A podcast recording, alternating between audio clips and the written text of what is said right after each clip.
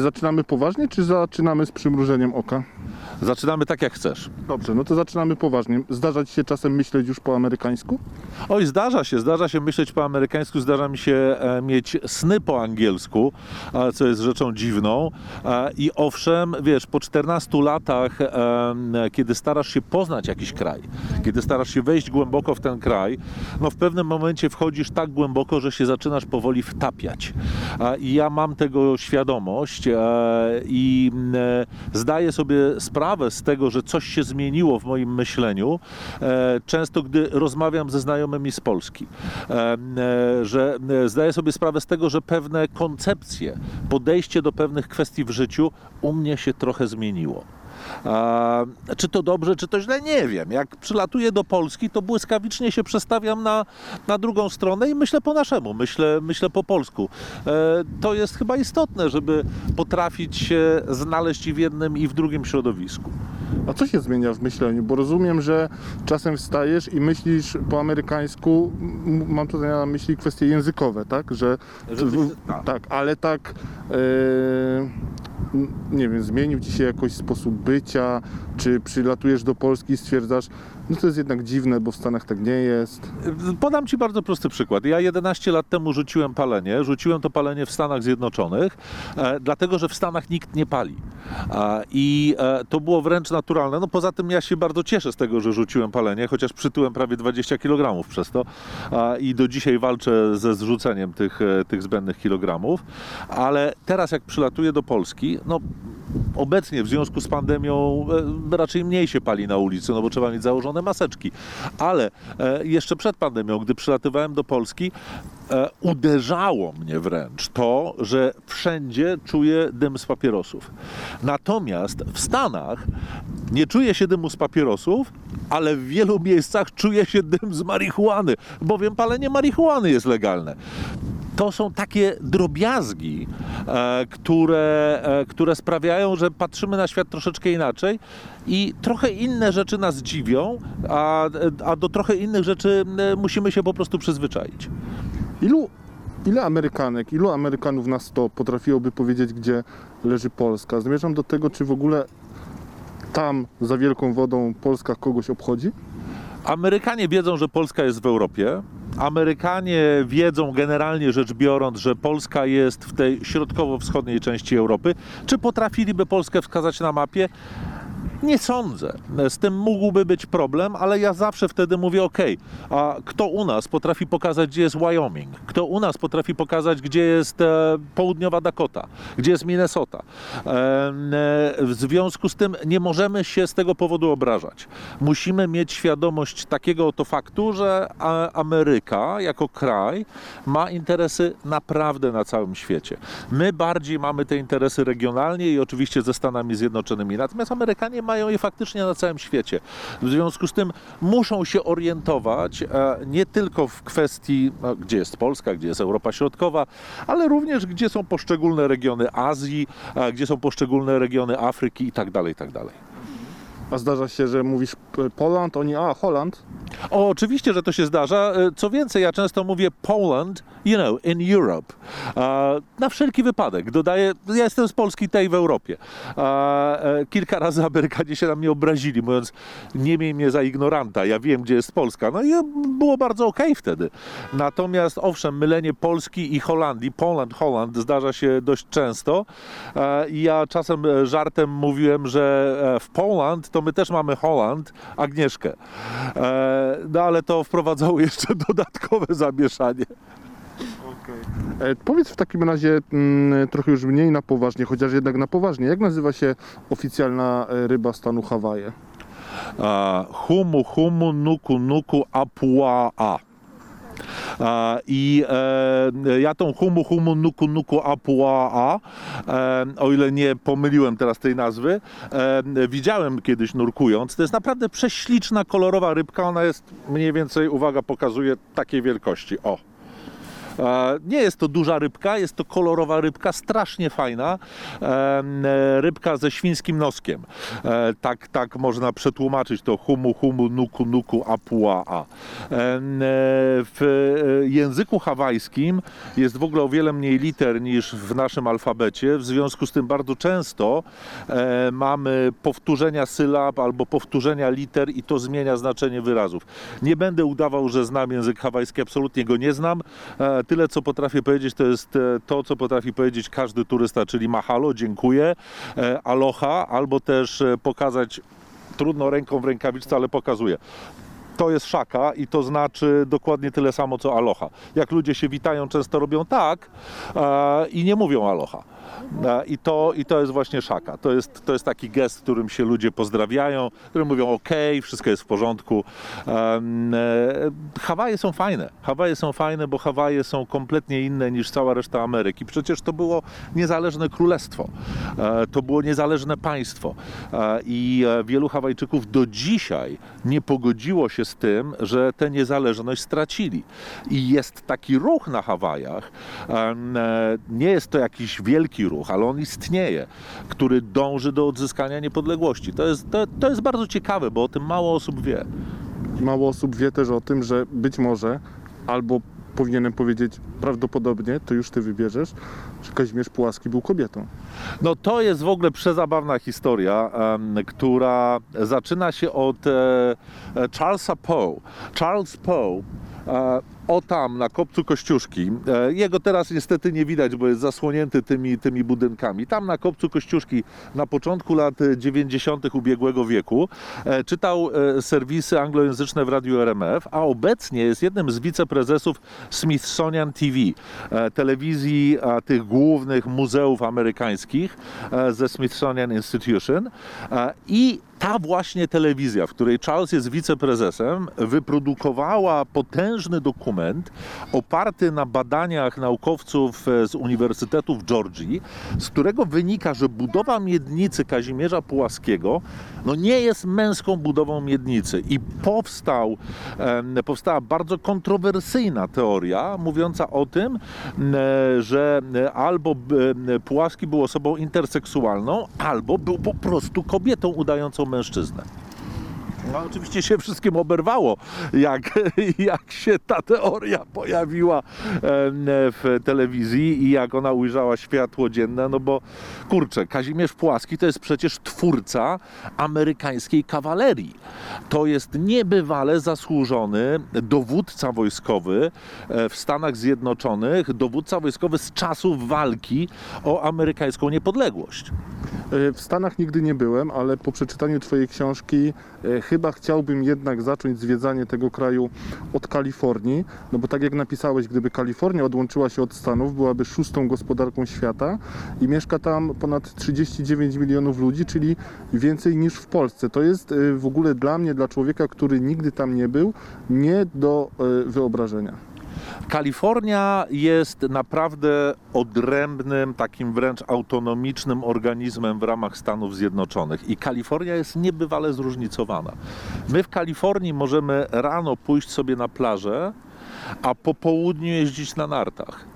E, w Kalifornii mamy tę różnorodność niebywałą. Ona jest generalnie rzecz biorąc stanem demokratycznym, czyli o skłonnościach mocno lewicowych, e, co widać no, po tym, że w wyborach prezydenckich tam zawsze wygrywa kandydat demokratów, że jest rządzona przez demokratów. Wyjątkiem był Arnold Schwarzenegger, który był republikańskim e, gubernatorem Kalifornii. Jest stanem pełnym sprzeczności.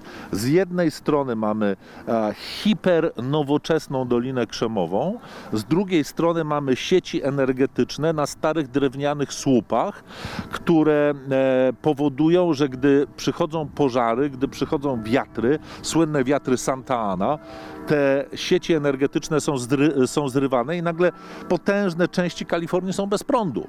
Tego super, hiper nowoczesnego stanu. Co więcej, te sieci energetyczne, te kable, gdy spadają na wysuszone przez słońce e, suchorośla, dochodzi do potężnych pożarów, o których e, relacje w telewizji Państwo słyszą e, każdego roku, gdzieś tak od lata do późnej jesieni.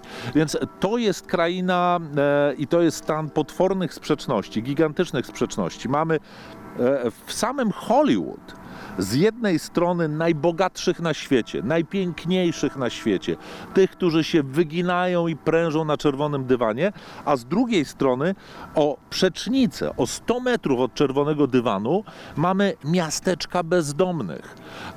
Ludzi, którzy cierpią na choroby e, psychiczne, którzy są uzależnieni, którzy śpią w brudnych śpiworach na ulicy, gdzie nie ma toalet, w związku z tym zapach jest bardzo nieprzyjemny i to jest w odległości 100 metrów od czerwonego dywanu. Tak, jest ta historia też w książce, jest twoje zdjęcie na czerwonym dywanie, który de facto nie jest czerwony. To też jest jedna z tajemnic Stanów Zjednoczonych. Tak, to nie jest czerwony dywan, e, to nie jest w ogóle dywan, tylko to jest wykładzina z rolki rozwijana. To jest kolor burgundowy. E, To jest kolor burgundowy amerykańskiej akademii. Jest jedna firma, która rozwija ten czerwony dywan, która go produkuje, a dokładnie kolor, dokładnie odcień tego burgundowego jest objęty e, tajemnicą handlową. Jest strzeżony patentem. E, I dla mnie zawsze e, największą frajdą podczas obsługi Oscarowych gal jest to, że my możemy się pojawić na czerwonym dywanie e, dzień, dwa, trzy dni przed Oscarową galą. Pojawiamy się również w nocy, bo żeby zrobić relację do programu porannego w Polsce, który jest o godzinie 6 rano w Polsce, to my tam musimy być o godzinie 21-22 dnia poprzedniego, bo jest 9 godzin różnicy między Polską a Kalifornią. I w związku z tym obserwujemy na przykład ekipy sprzątające na tym czerwonym dywanie z wielkimi odkurzaczami przemysłowymi i to jest taki widok czerwonego dywanu, e, e, który jest no, dość niespotykany, jest, jest, jest dość wyjątkowy. Ja zawsze lubię patrzeć na kuchnię. Na kuchnię, wiesz, każdej e, uroczystości, każdego wydarzenia, bo tam widać jej prawdziwe zaplecze, prawdziwe życie i kto tak naprawdę to tworzy. W związku z tym dla mnie zawsze niebywałą frajdą jest obserwowanie tych ekip sprzątających z odkurzaczami, które mają grube rury ciągnące się na kilkadziesiąt metrów i my się zawsze e, znakomicie bawimy z moim operatorem Marcinem Wyszogrodzkim, bo e, e, transmisję z czerwonego dywanu właśnie wtedy w środku nocy, zamiast poświęcać Oskarom, to poświęcamy przede wszystkim tym ekipom sprzątającym. Do kuchni to my, mój drogi, jeszcze wrócimy, bo ta kuchnia też jest w Twojej książce, ale e, Magda Grzebałkowska, znakomita polska reporterka, gdy pisała książkę o e, Krzysztofie Komedzie, który pisał muzykę między innymi dla Romana Polańskiego w Hollywood, to była w ogóle taka strasznie zafascynowana, gdy leciała do, do, do, do Stanów i, i gdy wylądowała, e, to mówi, bo wie pan, ja tutaj przyjechałam pisać książkę, a ten nie wiem, czy celnik, czy strażnik pyta się, o kim? Mówi, No na pewno pan zna o Krzysztofie Kom- Komedzie. Że, że nie, że nie znał. On mówi, Komida, you know? Polański, you know? On, nie proszę pani, jestem z Ohio. I to też tak pokazało, że to jest tak gigantyczny kraj, że nie można chyba znać się na wszystkim i, i słyszeć o wszystkim. To jest prawda, nie można się znać na wszystkim. Poza tym, a przebić się w Hollywood jest niebywale trudno. I polscy artyści, którzy naprawdę odnieśli sukces z naszego polskiego punktu widzenia e, w Hollywood, niekoniecznie funkcjonują w świadomości ludzi związanych e, z przemysłem filmowym, czy też w ogóle mieszkających w Kalifornii. E, podam Ci bardzo, bardzo prosty przykład. E, Byłem na e, obydwu debatach prezydenckich e, w tym roku. Byłem na tej drugiej e, w Nashville. I e, rejestruję się w hotelu. W hotelu, który jest oddalony od miejsca debaty o jakieś 7-8 minut jazdy samochodem. I pytam panią w recepcji, w którym miejscu jest e, e, ten uniwersytet, gdzie będzie odbywała się debata? Jak mam tam dojechać? Jeszcze tego wcześniej nie, nie, nie sprawdzałem. Ja mówię zaraz, ale jaka debata? Ja mówię, no debata prezydencka, jutro. Jaka debata prezydencka? No zbliżają się wybory. Tu w Nashville odbędzie się debata Donalda Trumpa z Joe Bidenem. A to ja nic o tym nie wiem. Pierwsze słyszę, to naprawdę u nas będzie. No tak wygląda zainteresowanie Amerykanów nawet tymi wydarzeniami, którymi interesuje się często cały świat. E, e, ona naprawdę nie miała zielonego pojęcia o tym, że w jej hotelu rejestruje się mnóstwo ekip telewizyjnych z całego świata, bo to był jeden z najbliższych hoteli tego, tego, tego właśnie wydarzenia. I była zaskoczona tym, że w jej mieście, w mieście, w którym mieszka, będzie odbywała się debata prezydencka, o której mówią wszystkie amerykańskie media. Są tutaj też wątki u Ciebie literackie, na przykład Wielki Gatsby. Się okazuje, że jest to książka, dla której inspiracją były no, e, wielkie przyjęcia na Long Island. Tak, tak. Wielki Gatsby to jest. Wiesz, ja, ja studiowałem filologię angielską, której nie skończyłem, co prawda, ale pozostał mi sentyment no, do takich właśnie dzieł jak, jak Wielki Gatsby.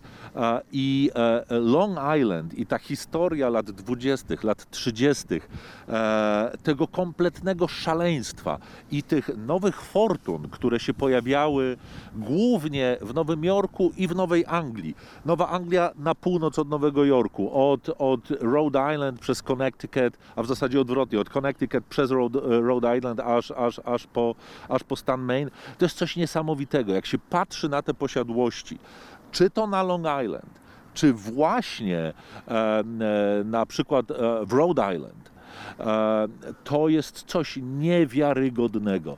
Ja, ja nie zapomnę e, wizyty w jednej z takich posiadłości The Breakers, e, gdzie jak, jak to opowiadał przewodnik, w jednej z komnat w zasadzie, to nie była sala, to była komnata. W jednej z komnat ściany były pokryte jakimś metalem. No i sądzono, że, że tym metalem jest srebro. Właściciel, który miał tyle kasy, że już nie wiedział, co z nią robić, walnął sobie po prostu srebrne płyty na ściany. Cóż się okazało, kiedy e, z- zaczęto poddawać te sale renowacji, okazało się, że to nie jest srebro, że to jest platyna. I to pokazuje, e, jak, jak strasznie dużo pieniędzy mieli ci ludzie, i to też pokazuje, dlaczego te imprezy, które też są opisane w Wielkim Gatsbym, były tak absolutnie szalone i momentami sięgna, e, sięgały dna, dna piekieł.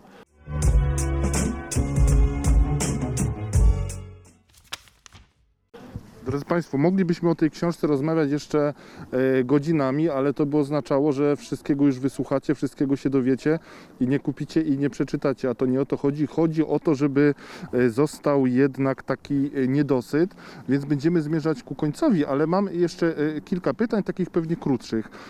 Ty wolisz NBA czy NHL? Słuchaj, nie byłem na ani jednym meczu NHL. E, chodziłem na mecze NBA wtedy, kiedy grał Marcin Gortat.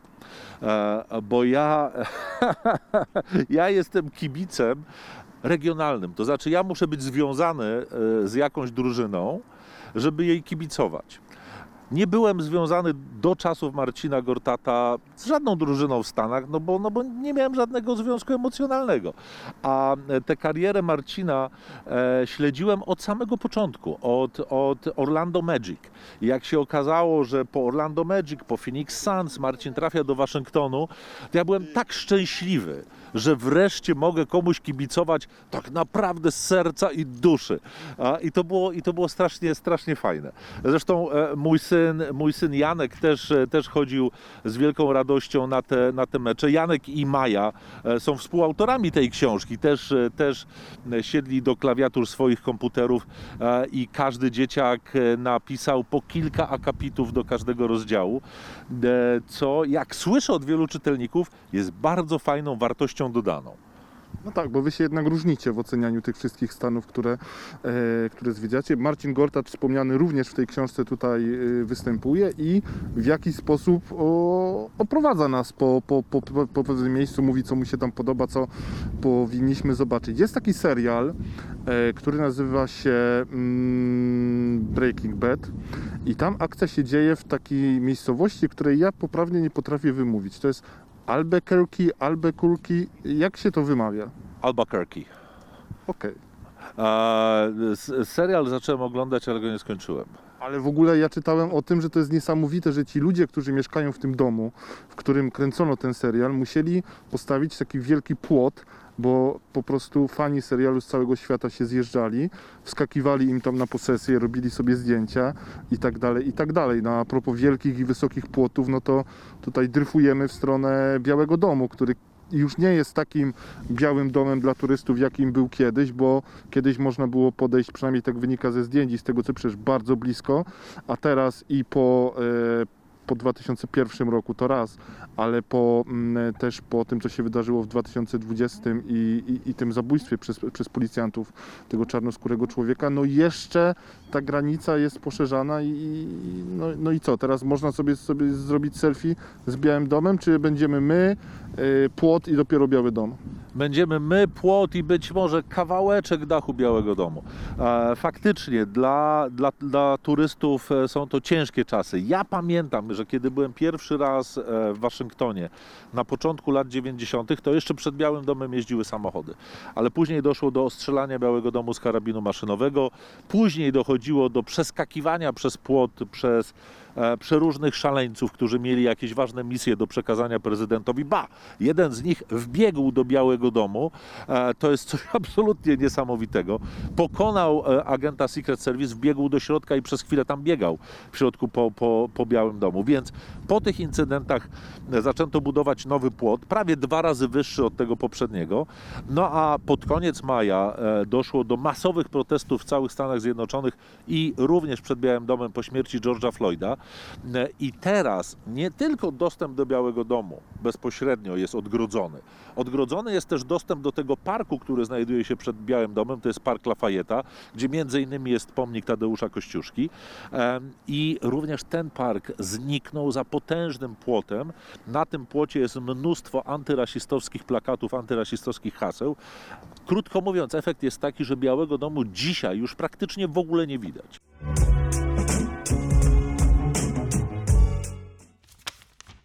Chciałem, żeby było jak najmniej o polityce, ale na koniec o tę politykę e, zahaczę, ale o taką nie teraźniejszą, tylko mm, z 2016 roku. Jak duże było Twoje zaskoczenie, gdy e, Donald Trump pokonał Hillary Clinton? Nie było żadnego zaskoczenia. Ja byłem przekonany, że on wygra. Ja byłem przekonany, że on wygra. Ja się nawet założyłem z e, kolegą, który był lobbystą na Kapitolu. I do dzisiaj jeszcze Ci nie zapłacił. Nie zapłacił mi do dzisiaj. On mi do dzisiaj nie zapłacił e, pieniędzy, które ja wtedy wygrałem. 50 dolarów? To było 50 dolarów. Myśmy się, zdaje się, oryginalnie mieli założyć o 100 dolarów i to chyba spadło do, e, do 50 dolarów. Co się z nim widzę, to on mi przypomina, że, że jest mi winny zaproszenie na kolację. Ja mówię, okej, czekam. E, Zaskoczenia nie było. Zaskoczenia nie było, bo e, wiesz, ten ruch, który wyniósł Donalda Trumpa, e, ja widziałem już w roku 2011-2012. To był taki ruch niezadowolenia na środkowym zachodzie, niezadowolenia w małych amerykańskich miasteczkach. I to narastało i Donald Trump potrafił to wykorzystać po prostu. I to, I to było wtedy dość oczywiste, że jemu się uda. Teraz też były oczywiste dla Ciebie te wyniki, które, które mamy? Wiesz co, jestem trochę zaskoczony tym, że Donald Trump przegrał, dlatego że porównywałem tę kampanię do e, kampanii przed drugą kadencją Baracka Obamy. E, Barack Obama też wtedy miał entuzjazm wyborców po swojej stronie. Entuzjazm e, wyborców po swojej stronie podczas kampanii wyborczej miał Donald Trump. Sądziłem, że powtórzy się historia. Nie powtórzyła się.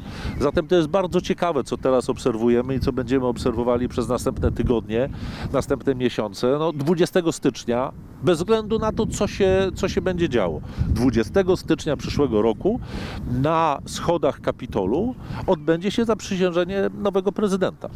I to pewnie będzie Joe Biden. Skoro już jesteśmy przy datach, to w ogóle taki rechot historii, że spotykamy się, to taka, taka kuchnia, bo rozmowa będzie emitowana ciut później, ale spotykamy się 22 listopada, a 22 listopada 1963 roku w Dallas był zamach na Johna Kennedy'ego. E, I w ogóle Amerykanów interesuje historia, czy oni żyją tym, co teraz, tym, co za chwilę? My byliśmy w Dallas w 50. rocznicę zamachu i e, robiliśmy stamtąd e, relacje. Zresztą było niesamowite przeżycie, bo staliśmy w e, tym oknie, piętro wyżej nad oknem, przepraszam, piętro wyżej nad oknem, z którego padły strzały. Więc mieliśmy praktycznie tę samą perspektywę, którą miał zamachowiec. To jest coś, coś niesamowitego. Tak, Amerykanie bardzo się interesują swoją historią, bo oni mają krótką tę historię. E, W związku z tym dla nich każde wydarzenie, każde miejsce, choć trochę historyczne, jest ważne, jest celebrowane, jest otoczone ogromną opieką i oni do tego przywiązują bardzo, bardzo dużą wagę. Obiecałem, że wrócimy do kuchni, więc na koniec krótko o kuchni, bo w Twojej książce oprócz tego, że są arcycie... w Twojej, w Waszej książce, oprócz tego, że są arcyciekawe historie dotyczące e, Stanów Zjednoczonych. Zresztą kiedy w końcu zaliczysz Oregon, bo to jest Ha! jedyna taka czarna plama na Twojej mapie. Jedyna biała plama, e, biała plama, jeszcze nie zapisana karta, nie zapełniona karta. Ja, ja się przygotowywałem do odwiedzania, do odwiedzenia Oregonu już kilka razy. I za każdym razem te plany się rozsypywały. Ja nie wiem, może, może muszę mieć taki stan, e, w którym jeszcze nie byłem, żeby mieć o czym marzyć. I ta kuchnia, w końcu dojdziemy do tego. Gdybyś miał, e, bo są tu też przepisy, Tak. e, gdybyś miał polecić e, jedną rzecz z tych, które tutaj opisałeś, która najbardziej kulinarnie oddaje Amerykę, chociaż wiem, że to może być niemożliwe, bo tak naprawdę jest chyba kilka albo kilkanaście Ameryk, patrząc Tak. na, na ten cały przekrój. Jak smakuje Ameryka? Taka jedna potrawa. McDonald's. E, To są, tak, to są, to są hamburgery. Oczywiście, że to są hamburgery. Hamburgery przyrządzane na milion różnych sposobów. E, Ale e, Ameryka, zwłaszcza Nowa Anglia, czyli to jest ta północno-wschodnia część Stanów Zjednoczonych, uwielbia owoce morza. I jest mnóstwo fajnych potraw związanych z owocami morza. Południe Stanów Zjednoczonych, tam bliżej granicy z Meksykiem, to jest kuchnia Tex-Mex. Bardzo fajna, pikantna kuchnia, kompletnie inna. E, A e, ja uwielbiam, uwielbiam, e, gdy znajduję się na Florydzie, w południowej części Florydy, w okolicach Miami, pójść do restauracji kubańskiej, no bo tam jest mnóstwo imigrantów z Kuby. Oni tam założyli swoją małą Hawanę w Miami. To jest, to jest jedna z dzielnic Miami. Tam są rewelacyjne restauracje z takim jedzeniem. To jest, to jest chyba moja ukochana kuchnia. Z takim jedzeniem, że tam po prostu można zamieszkać w restauracji, nie wychodzić z niej. E, Przepisy, e, przepisy są, w każdym rozdziale jest jeden przepis dotyczący regionu, o którym piszemy, e, żeby mieć właśnie no, taką namiastkę tego, czym tam się można zajadać.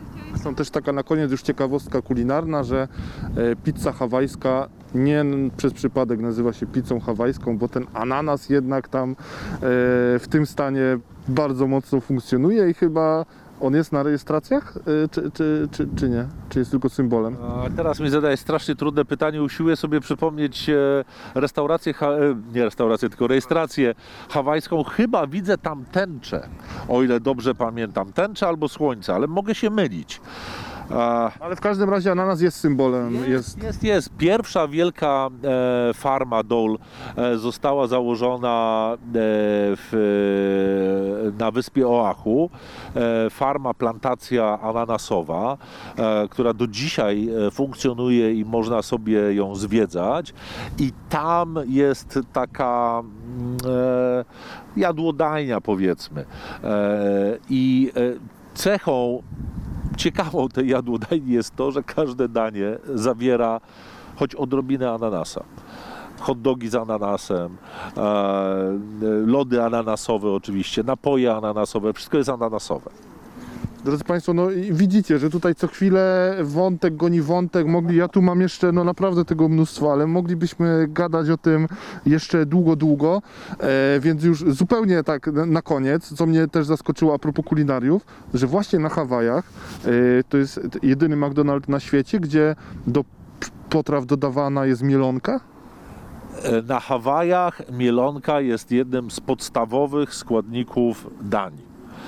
I faktem jest, że w fast foodach na Hawajach można zjeść e, jajecznicę z mielonką, można zjeść inne dania z mielonką. E, Ja opisuję i podaję też e, przepis na, na zrobienie takiego dania, które nazywam mielonkowym sushi.